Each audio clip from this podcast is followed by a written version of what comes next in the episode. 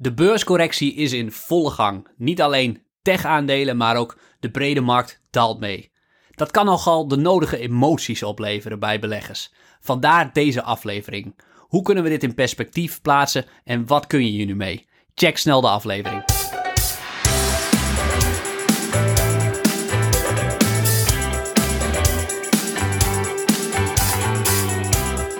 Ja, leuk dat je luistert. Mijn naam is Barbara. Ik ben nog steeds Rowan.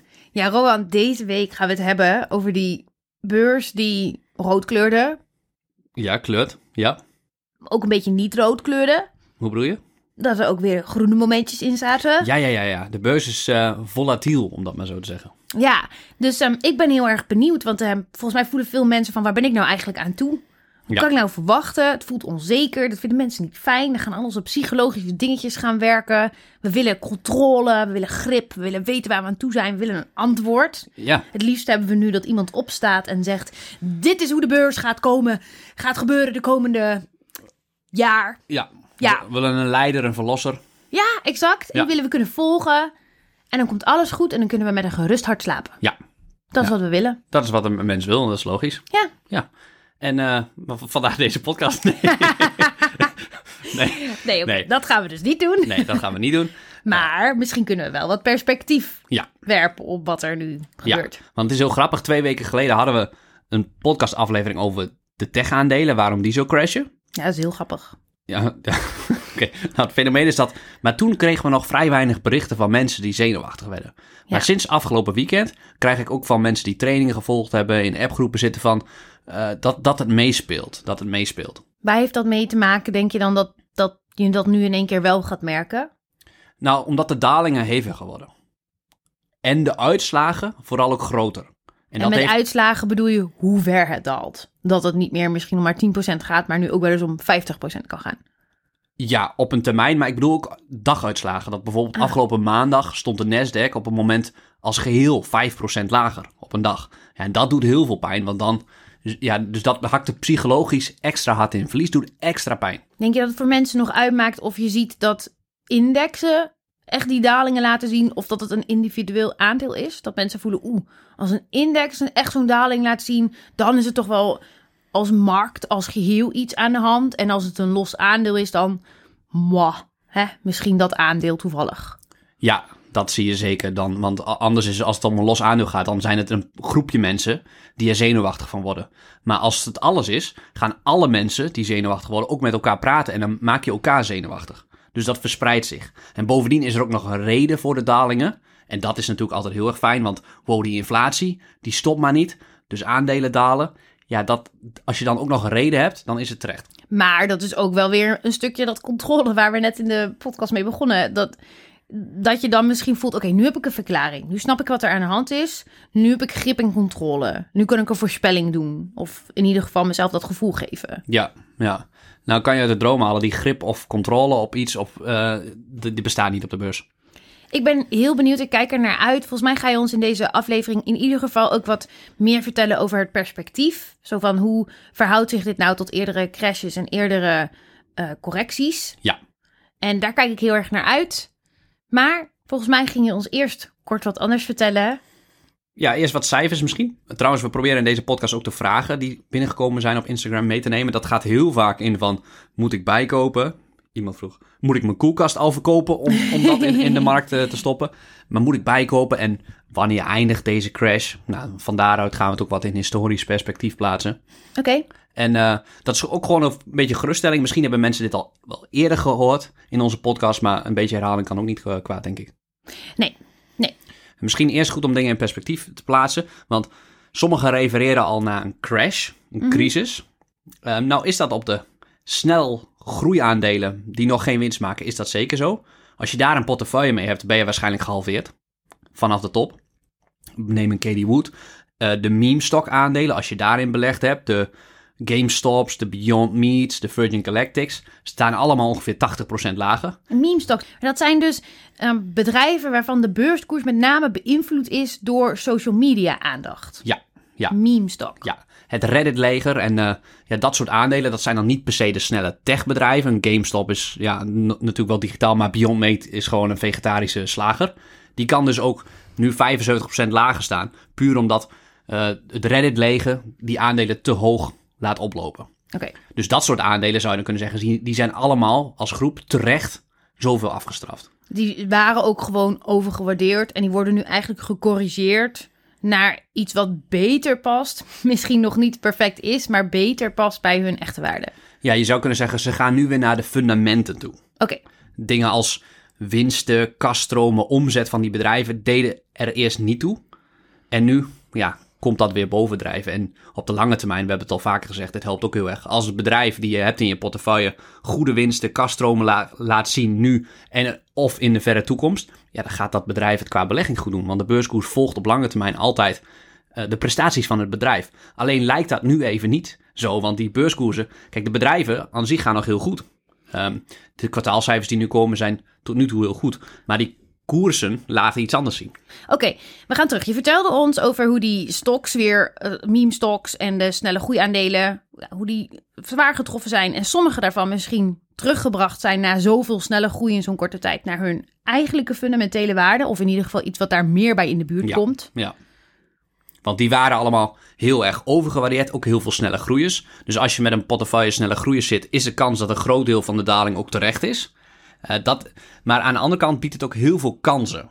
Want alle snelle groeiers zijn gedaald. En niet alle snelle groeiers gaan het qua fundamenten ook slecht doen. Dus er zijn enorme kansen. Want heel veel bedrijven van die snelle groeiers, die, wat, wat ik echt kwaliteitsbedrijven vind, die zijn nu lager gewaardeerd dan voor corona. Als je kijkt naar een koers-omzetverhouding, zijn ze eigenlijk goedkoper nu door die recente dalingen. Dat zijn denk ik uh, ja, kansen van het leven. We komen straks op die vraag, maar dat klinkt toch wel behoorlijk verkoopje koelkastachtig.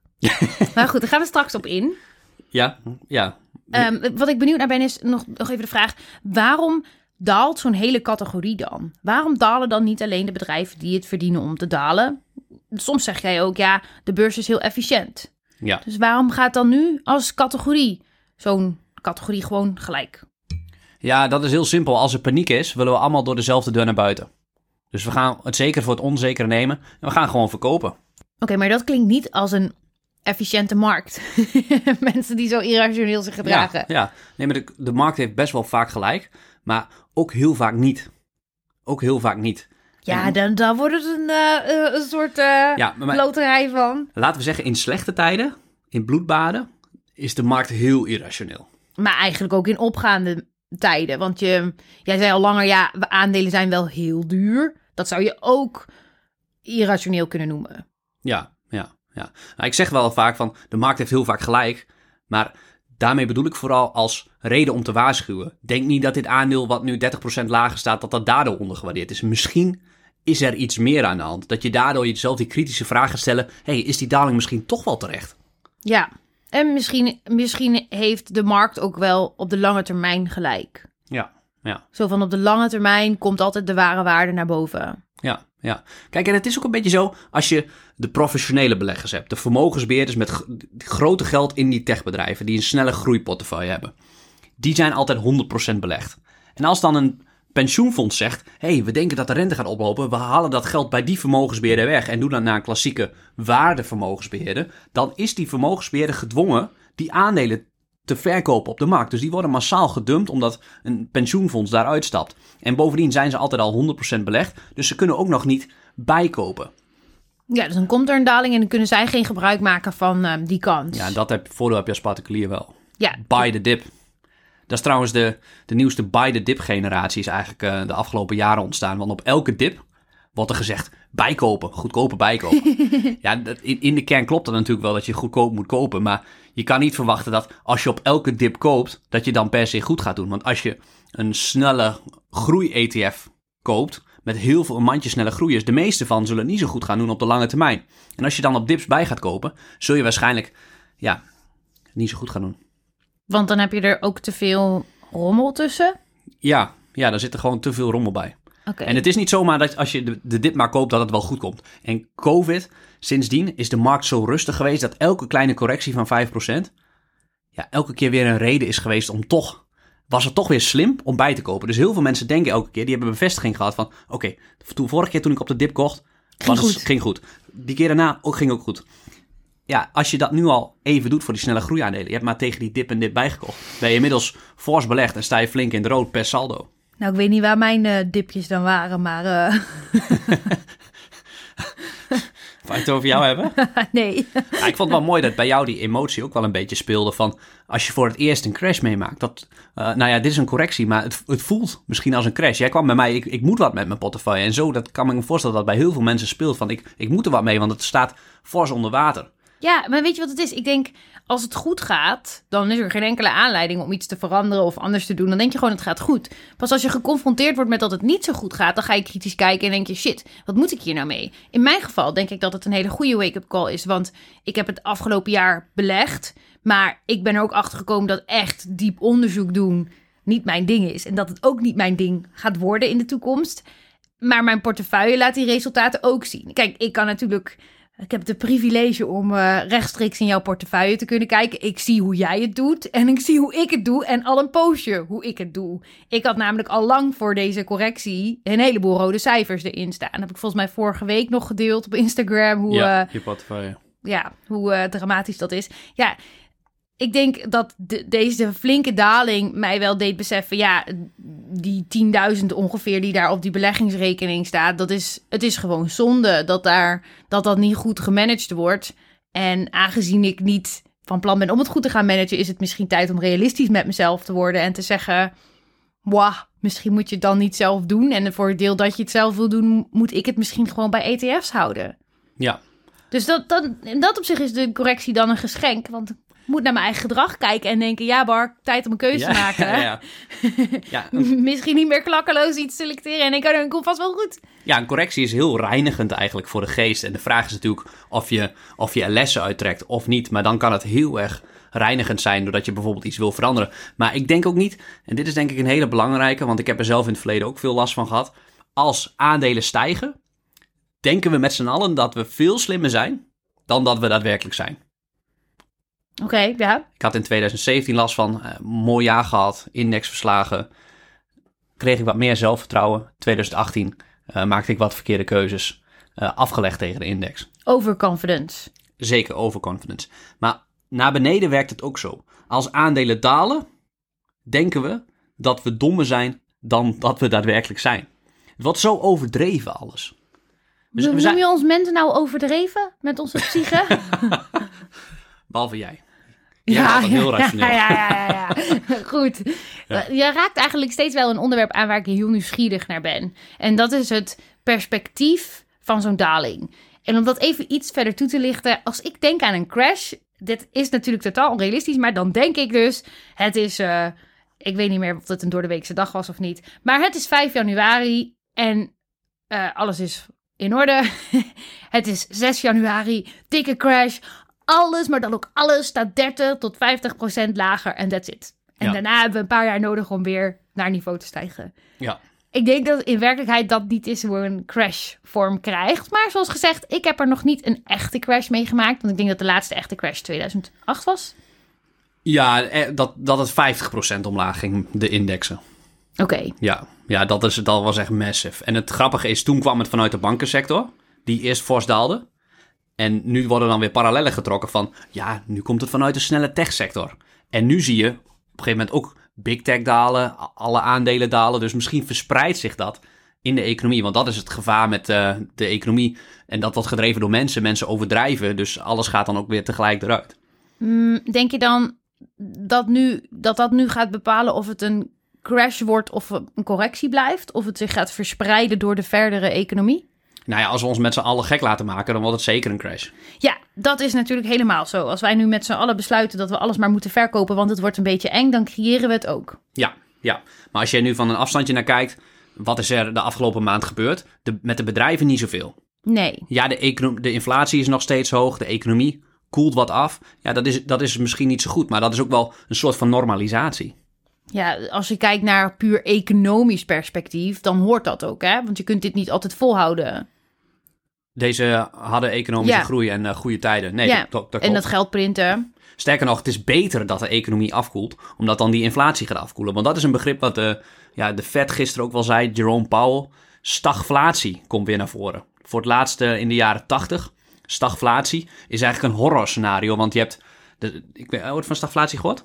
Ehm, nou, maar ik snap denk ik dat het een combinatie is van stagneren en inflatie. Of deflatie, inflatie. Ja.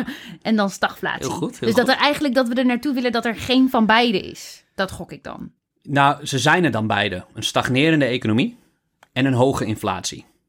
Oké. En Ah, doordat die er beide zijn, zit je gevangen. Want als er een hoge inflatie is, kan je niet als centrale bank of als overheid fors gaan stimuleren. Want dan zet je die inflatie alleen maar hoger. Alleen je economie We gaat... hebben hier trouwens podcast over. Als Ja, mensen echt ja, zitten van wat is dat nou met inflatie, dan moet je even terug scrollen. Volgens mij aflevering 83, 84 gaat helemaal over hoe inflatie werkt. Dus daar gaan we nu niet weer op in. En Volgens mij ging aan het begin ook eentje helemaal over macro-economie, hoe al die verbanden lopen. Dus als je dat eh, leuk vindt, een droog lesje macro-economie gaan, dan, eh, dan is er genoeg te vinden. Ja. Terug naar die eh, vet. Sorry, ik wou je niet onderbreken. Ja, dat, dat, dat, dus die stagflatie, die komt ook heel erg voort uit... Want de Fed is heel erg bang voor inflatie, maar in hoeverre die inflatie nou tijdelijk is... bijvoorbeeld door al die eh, logistieke keten en de tekorten, dat leidt tot hogere prijzen.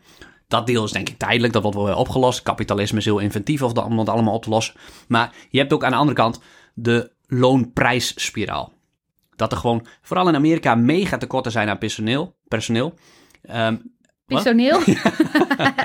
ze hebben er de pis in. Nee, de, gro- de, grote, de grote reset. Iedereen heeft zijn baan opgezegd. En nu gaat alles zo goed. En bedrijven kunnen niet aan personeel komen. In Nederland dreigt dat nu ook te komen.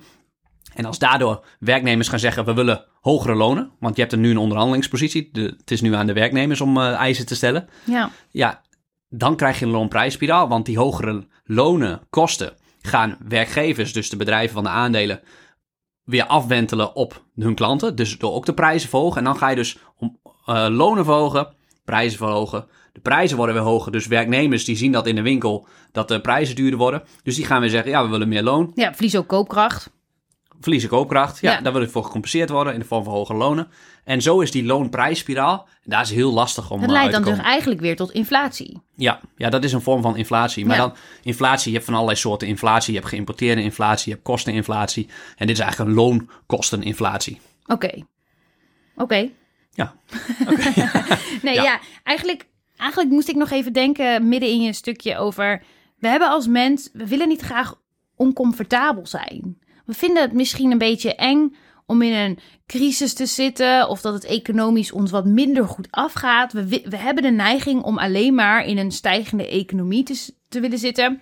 Terwijl dat volgens mij niet kan als je kijkt naar het kapitalistisch systeem. Dan gaat er van alles over verhit en gaat er stuk op een andere manier. En, dan, en dat is ook heel slecht voor ons. Ja, Dus misschien is het ergens beter dat een, dat een bank, of zeg maar bijvoorbeeld de ECB of de overheid, dat die keuzes maken om ons weer eh, op, de, op de rails te brengen, dan dat we wachten tot het vanzelf ploft. Want dat is ook een beetje wat je bij de bankencrisis zag. Daar is gewacht tot het vanzelf Ja, plofte. ja, ja. Ja, en dan zijn de gevolgen gewoon niet te overzien. Terwijl er wordt natuurlijk met allemaal slimme economen gepraat en allemaal slimme mensen die dan gaan proberen te bedenken: oké, als we nu dit doen, wat heeft dat dan voor effect? Waar, waar moeten we iets dan misschien iets opvangen en hoe kunnen we dat dan doen?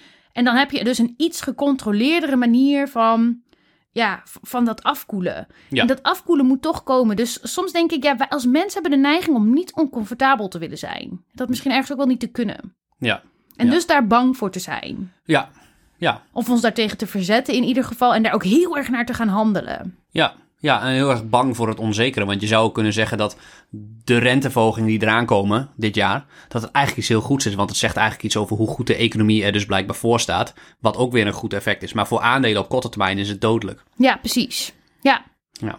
Oké. Ehm, ik snap dit. Oké, oké. Ehm, ik kan me toch wel voorstellen dat mensen zijn die zich zorgen maken. En wat, wat mij dan altijd heel erg helpt, is, eh, is uitzoomen. In de crisis van 2008, dat was een echte crisis, 50%, werd ik verlamd van angst. Ik kan me voorstellen dat dat voor veel mensen ook speelt. Maar als je dan een, eh, ik kijk nu even naar de tabel die ik hier heb staan, maar bijvoorbeeld wat de beurs qua index doet op dagbasis. Dan is die in 46% van de dagen is een rode dag. Dat is best veel. Dat is best veel. Dus de helft van het jaar is het helemaal geen groei. Ja, ja, ja.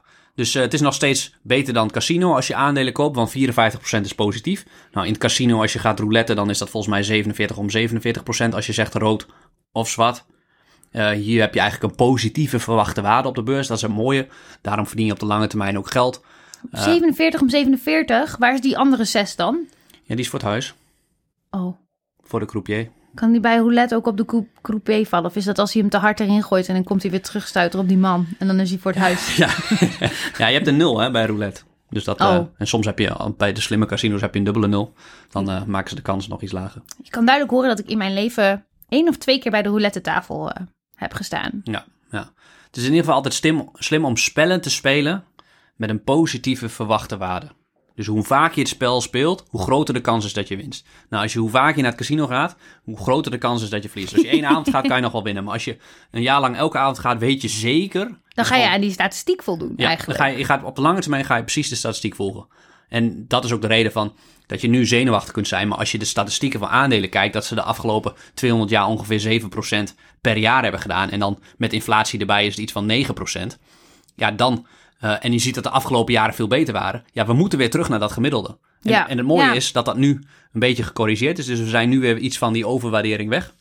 Ja, en als je dus heel wetenschappelijk gaat benaderen, is het dus eigenlijk heel logisch wat we, eh, wat we nu meemaken. En is het een soort, noem je dat dan, regressie naar het gemiddelde of zoiets? Lekker! Ik heb wel iets geleerd op de universiteit. Ik zat wel op te letten. Oh, ik dacht dat je dat van mij had. Ik denk dat ik dat van jou heb. Oh, oké. Oké, oké. Lief, lief van je. Ja. Ja. ja, dat is de natuurkunde die ook gewoon met, met, de, met de zwaartekrachten en de verschillende krachten die lopen, die ook gewoon op de beurs geldt. Ik dacht dat het wiskunde was. Ja, ja. Statistiek. ja nou, zwaartekracht is misschien natuurkunde, maar uiteindelijk is inderdaad alles wiskunde. Wist je dat ik B1 heb gekozen zodat ik geen statistiek hoefde? Oh, Ja, ja? leek me echt heel erg. Als ik allemaal statistische rekensommen moest maken. En nu confronteer jij mij er toch mee. Ben ik er toch niet helemaal aan ontsnapt. Jij benadert het leven ook niet vanuit een eh, kansberekening. Wat dan? Ja, dat, dat denk ik dan. Nee, nee, want ik heb al die kansberekeningen vermeden. Ja, dat klopt. ik denk dat het op de beurs heel erg helpt als je dat benadert vanuit kansberekening. Dat je een verwachte uitkomst, ehm, een hele snelle groei, kan bijvoorbeeld een keer 10 gaan, maar het kan ook failliet gaan. En het kan nog steeds een hele goede deal zijn, mits de risico-rendementsverhouding goed is. En dat kan je met kansberekening eh, oplossen. Natuurlijk is niet vaak een exacte kans te berekenen dat iets gebeurt, maar je kan het wel in grote getallen een beetje doen. Voor alle statistiek- en wiskunde-liefhebbers daarbuiten. Ja, ja. A Man for All Markets. Als je daar een mooi boek over wilt lezen, ook hoe, over hoe je het casino kan verslaan. is van Ed Torp, een soort wiskundige die uiteindelijk eerst het casino had verslagen. Omdat hij, ja, zo'n, eh, bij een roulette dan wordt het balletje gespind, hè. Hij had al zo'n eh, ding in zijn eh, schoen gedaan, die het meten. En dan hij had in zijn, in zijn hand een klikker. En dan kon hij precies als de bal eh, op hetzelfde punt weer rolde, klikte hij. Dus dan weet je de snelheid waarmee de bal rolt. En op basis daarvan kan je voorspellen in welke range die valt van, van die pak. En daar kan je op spelen bij eh, roulette in zo'n eh, zo'n eh, zero-spel heet dat of zo. En als je dat beter kan voorspellen, daarmee versloeg hij dus het casino. Hij was ook van het kaarten tellen met blackjack. Ja, mega mooi boek, maar toen werd hij dus uit al die casinos gekikt. Je kan, en, dat was, en dat was geen frisse industrie. En eh, ik weet niet wat die jaren 70 of 80 deed hij dat. Hij, was, hij is gewoon ook een PhD. Hè? Hij is gewoon echt. bena- benadert het allemaal zo. Toen is hij Wall Street opgegaan. Oké, mega slim En dus. hij heeft het daar heel goed gedaan. Hij Ja. hij benadert het heel wiskundig dus. ja. Oké, we waren- zaten eigenlijk midden in jouw tabel. Dat als Ja. het dagelijks de beurs eigenlijk maar, Ja. maar de helft, ja, 54% positieve dagen kent. Ja. Eigenlijk heel weinig. Ja, ja. En dus als je, als je nu in januari heel veel negatieve dagen hebt, ja, dat, is, dat, dat kan voorkomen. Dat komt gewoon heel vaak voor. Maar als je op kwartaalbasis naar kijkt, dan is het negatieve nog maar 32% 32% van de kwartalen zijn negatief. Dus de kans dat het voorkomt dat twee, drie, vier kwartalen achter elkaar negatief zijn, is nog steeds groot. Oké, ik kan natuurlijk zien hoe deze tabel verder gaat. Vertel maar even gauw verder. Oké, als je het op jaarbasis doet, nog maar 26% van de beursjaren negatief. Vijfjaarsbasis basis nog maar 14%. Tienjaarsbasis nog maar 6% van de tienjaarsperiodes negatief. En als je het in die tabel staat 20 jaar is het 0%, maar als je er beter naar kijkt is het na elke 16 jaars periode. Als je nu vol zou instappen met al je geld op een index, zul je dan in positief eindigen. Oké, ja, want dat is een beetje flauw nu. Hè? Als je op dagelijkse basis kijkt, dan zeg je ja, hoe kan nou als eh, bijna de hele maand januari negatief is, hoe kan het nou dan toch een positief kwartaal worden? Dat betekent dus ook dat de dagen dat er groei is, de groei sterker is dan de negatieve effect van als er negatieve dagen zijn. Volg je me nog? Ja, ja, ja. Ja, dat is het gevaar van... Maar klopt dat? Ja, Oké, Ja. dus dat is een effect dat hierin zit. ja, De, de- als er positieve dagen zijn, is die groei sterker dan, wen- dan de negatieve trend als er een negatieve dag is. Dus de, per, saldo Per saldo, ja. eindig je dus met een positief getal. Oké, Klopt. Oké, want daar moest ik even over nadenken. Sorry. Ja. Wat wou jij nog zeggen? Nou, dat je door dat fenomeen, heel veel mensen willen de bodem timen. Eh, die stappen bijvoorbeeld bij een kleine correctie of als het wat zenuwachtig wordt, stappen ze uit in de hoop dat het dan verder daalt en dan op de bodem kopen. Omdat verlies ook zoveel pijn doet, dus dan wil je voor de zekerheid in ieder geval je verliezen beperken. En daarom gaan ook allerlei mensen met put-opties werken, wat denk ik geen strategie is. Maar Ehm, het was af. ja, ik, ik dwaal zeker af. Eh, als je die beste dagen mist, want als het natuurlijk een tijdje keihard omlaag gaat, mis je ook die Ah, mega ik positieve snap dagen. Oké. En als je, ik heb de cijfers niet scherp, maar ik, er zijn wel van die onderzoeken. Als je, stel dat je die eerste dag dat het weer goed ging, mist. Dat zijn vaak de dagen dat de beurs 10% stijgt. Dat je dan super slecht had gedaan en dat je gewoon beter in een indexfonds had kunnen blijven zitten. Door het niet te timen. Dus daarom zeg je ook wel eens, ja, de market timen, dat is niet slim. Misschien kunnen we hier een keer een diepte podcast over maken. Over timen van de markt. Ja, dat je die onderzoeken er even echt weer bij haalt over hoe dat... eh maar goed, dat zien we dan wel weer. Ja, nee, klopt. Dat zijn, eh, dat, ik heb geluk gehad dat de universiteit het allemaal mocht onderzoeken. Wat Dit werkt en wat werkt niet. Dit is dus waarom het schadelijk kan zijn om te timen. Dat je dan ehm, de positieve opwaartse trend net mist die je zo hard nodig had in dat jaar. Ja, ja. Maar dan ben ik dan ook wel benieuwd naar. Er is vast onderzoek naar gedaan. Er zijn vast een x aantal dagen die misschien wel heel bepalend zijn voor het jaar. Dat er misschien bijvoorbeeld tien hele sterke groeidagen in een beursjaar zitten of zo. En als je die tien dagen net mist, dat je Ja. dan gewoon het niet beter kan doen dan het gemiddelde of zo.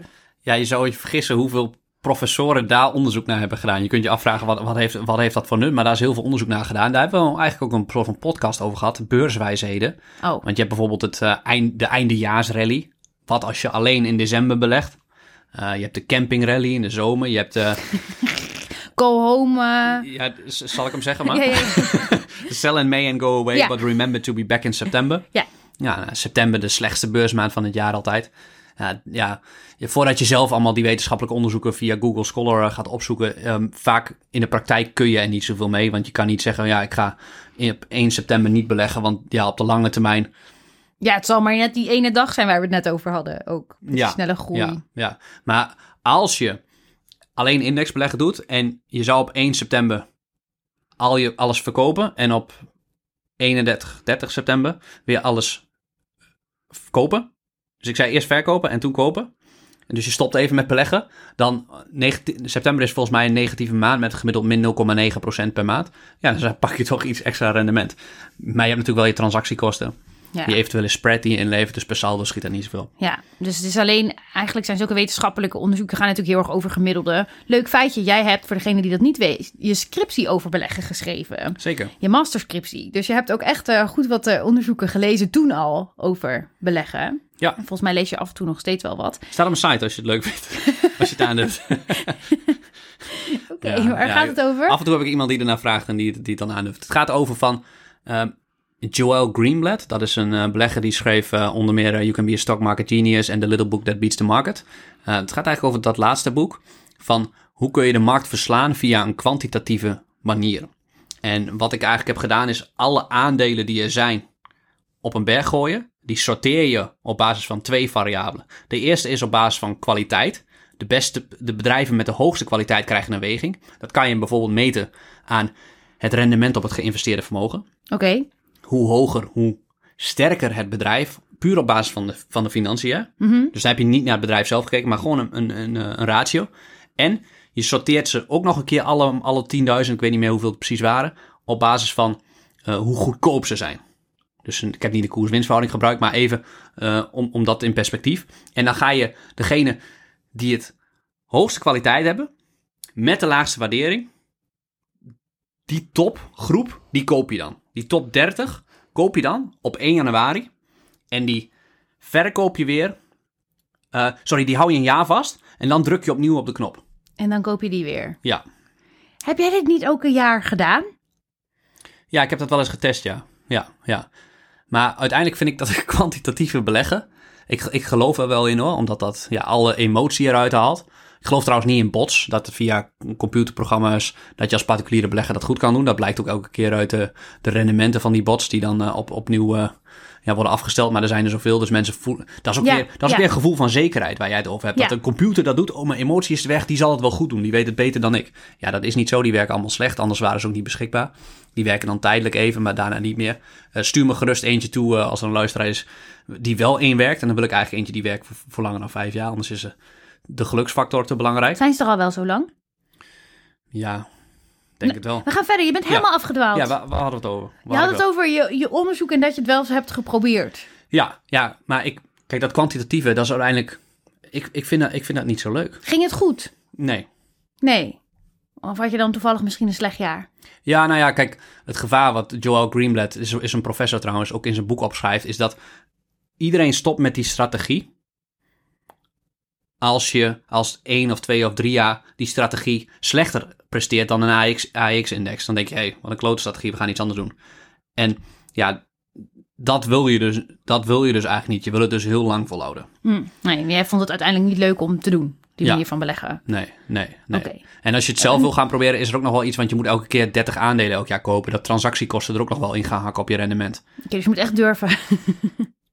Eh, je moet echt committed zijn naar deze methode. Ja, ja, ja. Maar wat is nou de, de conclusie van je scriptie dan? Ja, ik had dus getest of die, eh, wat die professor onderzoek naar had gedaan, of dat ook werkt in crisistijden. Want ik dacht, dan moet het nog eens extra goed gaan presteren. Dus ik had dat op basis van eh, de financiële crisis daardoor heen ge- eh, gerold. eh, in, die, in die periode. Maar het bleek dus niet zo te zijn. Oké. Dus het is allemaal, het is allemaal kloten. doe, je, doe, je, doe je een jaar lang onderzoek in, eh, in een eh, hotel als nachtreceptionist. Want dan kreeg je betaald en dan kon je daar je scriptie schrijven, want s'nachts is er niet te veel te doen. Dit heb jij gedaan. Ja, Ja, Hotel Lume hier in Zwolle. oké. Oké. Wist je niet? Ja, dat wist ik wel. Oké. Maar zei, eh, zei zo'n beetje je. Dat doe je alsof iedereen hotelreceptionist s'nacht wordt om zijn masterscriptie te, te schrijven. Nee, ik raad het niemand aan. Het is echt dodelijk voor je ritme. Want zeven nachten werken en dan... eh, ja, daarna ben je echt... Die eerste nachten val je echt... Omdat je zo uit je ritme bent. Tot zeven uur s ochtends werk je. Ja, dan val je in slaap. We zijn totaal Sorry, afgeleid. sorry. We zijn al ongeveer 35 minuten onderweg. Ja. Ehm, en volgens mij hebben we nog niet eens de luisteraarsvragen beantwoord. Laat staan dat jij nog volgens mij nog dingen hebt die je wilt ja. zeggen. Nou, de conclusie van die tabel in ieder geval... Die we net eigenlijk voorgelezen hebben... Zo'n 10 minuten geleden. is- Ja, is dat als je uitzoomt... Dat de beurs eigenlijk een fantastische plek is om je vermogen te laten groeien. Oké, Hier spreken we wel over indexbeleggen. Hè? Dus je kan nog steeds als particuliere belegger de verkeerde aandelen kiezen. ja, Maar als je index beleggen, dan ja, elke 16-jaarsperiode sta je in de plus. oké. Maar dan denk ik ook wel een goed gespreide index. Dus als je de AEX gaat doen, Nou, ik, kijk, op lange termijn, AX is geen goede index, want niet gespreid. Maar als je het op de hele lange termijn kijkt en ook alle landen vergelijkt met elkaar, alle nationale indexen, doen ongeveer hetzelfde. Oké, oké. Heb jij nog meer wat je ons eh, wilt vertellen over dit schone onderwerp? Nou, ik denk veel mensen stellen de vraag via Instagram van, eh, moet, moet ik nou bijkopen? Oké, Ja, en, want sommigen zijn aan de reactie op Instagram zien heel erg blij met deze dalingen. Nou, die zijn waarschijnlijk niet zo vol belegd. Die hebben een grote cashpositie. Dat is hartstikke mooi. Ik ben op dit moment zelf eh 100% belegd. Ik heb begin januari nog een nieuwe positie gekocht. En recent heb ik mijn laatste spaargeld eigenlijk verzameld. Nog niet de koelkast verkocht, maar eh, om, om nog wat extra's in mijn portefeuille bij te kopen. Dus zo kijk ik daarna. Of de bodembel is geluid, dat weet ik niet. Het kan nog veel gekker. Voor mij is het veel zinvoller om gewoon goed belegd te zijn in de sterkste en beste bedrijven. En dan kan het op de lange termijn goed gaan. En vind ik dalingen heel erg fijn. Ehm, ja, als je, als je nog afvraagt of die crisis nog erger wordt. Wat iedereen natuurlijk, als je, nou ja, als je niet zoveel belegd bent, dan hoop je dat waarschijnlijk. Als je volledig belegd bent, dan hoop je dat niet. Ehm, ja, daar hebben, we, daar hebben we geen antwoord op natuurlijk. nee. En mocht het erger worden, dan zullen we dat gewoon zien... doordat de komende tijd er nog weer een aantal correcties plaats gaan vinden. En dan gaan we een soort van druppelgewijs naar beneden. Ja, ja. Oké. Ja, wat ik misschien nog wel wil zeggen, maar dat is denk ik niet zo populair, is dat eh, waarschijnlijk je het gevoel krijgt, als je in ieder geval als je vrij vol belegd bent, dat het minder leuk is om in te loggen bij je broker. Oké. Alleen, ik wil toch, log in. Ga Je kijken. normaal altijd niet inloggen. Gewoon een jaar niet kijken. Ja, ja, ja, ja oké, oké. Dat klopt. Verwijder die broker-app van je telefoon. Maar ga juist op die dagen dat je ergens eh, ziet van... oh, de beurs eh, op nu.nl staat weer, in- eh, daalt weer fors. Ga dan juist inloggen. Heeft dit te maken met wat ik eerder zei... dat we niet bereid zijn om ons oncomfortabel te voelen? Ja, ja. Train jezelf op de pijn. Ja. Wat, wat heeft dat voor nut dan? Nou, dat heb ik heel erg van het stoïcisme. Ik weet niet of ik dat laatst hier vorige keer hier had gezeld of in een podcast waar ik te gast had. Maar het stoïcisme helpt je heel erg om je weerbaar te maken voor tegenslag. En dit is natuurlijk nu een tegenslag, maar dit is geen echte crisis. Mm, Nog niet. Nee, nee. Maar wat je nu wel kan doen, is jezelf mentaal voorbereiden op die crisis. Je kan nu al een stukje voelen van de crisis. Door, door die pijn te nemen, door in te loggen. Hoe doe je dat dan? Want dan log ik in en dan doet het pijn. En nou, iedereen die geen negatieve portefeuille heeft, die mag mij wel even lenen. En dan, stel dan doet het pijn en dan? Ja, wat, Wat je doe doet, ik dan? wat je doet is, eh, is dus inloggen. Je voelt die pijn. En dan doe je je ogen dicht. Ja, goed zo. Hoeft niet nu per se. Oh. Maar, ehm, ja, Ik dacht, ik doe netjes mee. heel goed. Heel goed. Goeie student. Ja, Ja, als je, en, en dan voel je dus die pijn. En dan schrijf je op hoe je je voelt. Wat er dan mis is met de, met, de zaak. En of, of dat voor jou acceptabel is. En beter is er nog een extra negatieve visualisatie bij op te doen. Want nu is het een kleine daling. Maar nu is er al die pijn. Maar wat, en dat ga je visualiseren. Als je portefeuille als geheel met 50% gedaald is. Dus je beeld je als het ware die volgende megacrisis is. Wat is er dan gebeurd? En op die manier bereid je je voor op, eh, op een crisis. Benjamin Graham was ook een voorstander van een eh, stoïcisme, want je wil je emoties onder controle houden. Want ja, bij beleggen is het 50% analyse, maar ook 50% je mindset. En Ja. eh, daar kan je echt op voorbereiden. Tim eh, Ferriss heeft daar een hele mooie quo- quote en die is van het boek eh, One, eh, Four Hour Workweek. Daar is hij bekend in. The more you sweat in peacetime, the less you bleed in wartime. Dus als het nu gaat het nog relatief goed. Nou, ik snap eigenlijk moet je, wil je die negatieve visualisatie oefening doen als het helemaal goed gaat. Je bereidt je voor op die crisis. ja. Ik vind het wel altijd lastig met zulke dingen. Ik ben mij met zulke visualisaties er altijd te zeer van bewust dat het niet echt is. En ik geloof wel in visualisaties als geheel. Vooral om te gebruiken als er iets is waar je naartoe wilt. Wat je wilt creëren voor de toekomst bijvoorbeeld. Maar zulke dingen, ik, ben, ja, ik kan me voorstellen dat het voor iemand niet werkt. Ben je niet de enige. Ik zou heel veel moeite hebben om die pijn erbij te voelen als ik dat me nu voor ging stellen. Ik zou te veel weten dat het nep is.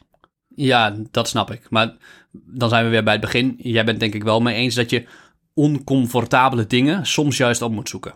Ja, Dat is- ja, je wil eigenlijk buiten je comfortzone zitten. Daarom is dat mensen denk ik ook koud douchen. ja. Ja, en ik ben natuurlijk wel heel erg veel bezig met ehm, ja, mijn eigen gedachten. Van wat denk je? Helpt het je? Helpt het je niet? En daar zitten dit soort dingen natuurlijk al wel bij in. Dus ik ben mij er heel erg van bewust dat als ik negatief ga denken over de beurs... of dat daar paniekgedachten door willen komen... inmiddels heb ik dat niet meer... Ik heb mezelf ook getraind om bij dat soort gedachten te denken van... oh ja, hey, je bent een paniekgedachte. Dat is, eh, ik snap het, maar je bent niet behulpzaam en ik laat je weer los. Een Ja. beetje meditatieachtig. Snap ik. Ja. Ja. Ja. Mooi. Zullen we afronden? Ja. lijkt me een goed idee. Je had het nog over de Instagram-vragen. Ja, nou die hebben we eigenlijk in dit verhaal eh, proberen mee te nemen. We weten niet wanneer die bodem is geluid. Ik heb gezegd wat ik heb gedaan, dus eh, bijvoorbeeld bijgekocht. Maar dat is, betekent niet dat ik eh, de bodem kan luiden. Geen idee, geen idee. Het kan nog veel gekker. En het is slechts echt een mini-crash, alhoewel die dus kan voelen als een crash. Maar het kan ook zeg maar jaren duren. De crash van 2008 duurde eigenlijk, waren we geloof ik pas in 2012 als index weer op het gelijke niveau. Dus dan heb je soms lange periodes waarin zoiets ja, best wel matig kan gaan. En dan wordt het psychologisch ook nog veel zwaarder. Maar daar zullen we dan weer een podcast over hebben als er nog veel gekker gaat. En bijvoorbeeld, de komen, dat, stel dat we over vijf jaar pas weer op de huidige AX-stand staan van 740. Dat, dat is best een reële kans. Dat kan gewoon. Ja.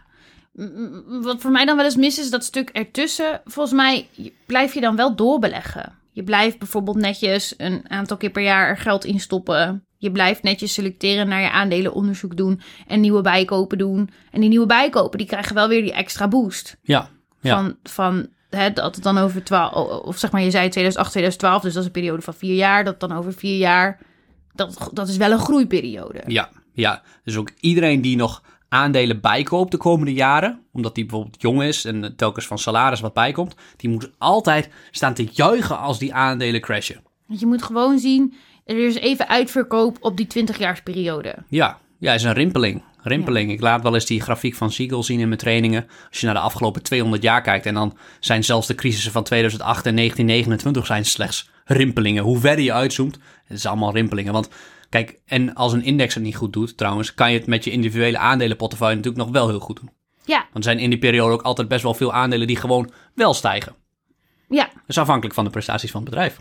Ja. Zo simpel is het. Beleggen is eigenlijk heel simpel. En dat maakt, het, dat maakt het zo leuk. We willen het alleen altijd zo moeilijk mogelijk maken. Nou, als je die cijfers induikt, dan eh, vind ik dat je het toch ook wel weer moeilijk maakt hoor. Ik snap dat het inmiddels voor jou heel eh, voelt alsof je gewoon Nederlands praat. Maar voor mij zeg je soms abracadabra. Dus Ja, eh, er ja. zit ook wel een niveauverschil. Maar goed, Ja, het is een fantastisch spel. En het doet me ook altijd vaak denken aan poker. En als je een beetje poker hebt gevolgd, soms slaan mensen op tilt. Dat is een heel bekend pokerbegrip. Ja, die, doen, die nemen dan altijd de verkeerde beslissingen. En je kan bij de beurs ook op tilt slaan door de verkeerde beslissingen te nemen. En dat wil je niet. En daarom zei ik net ook 50% op de beurs is mindset. 50%. oké. Bij indexbeleggen is zelfs 99%.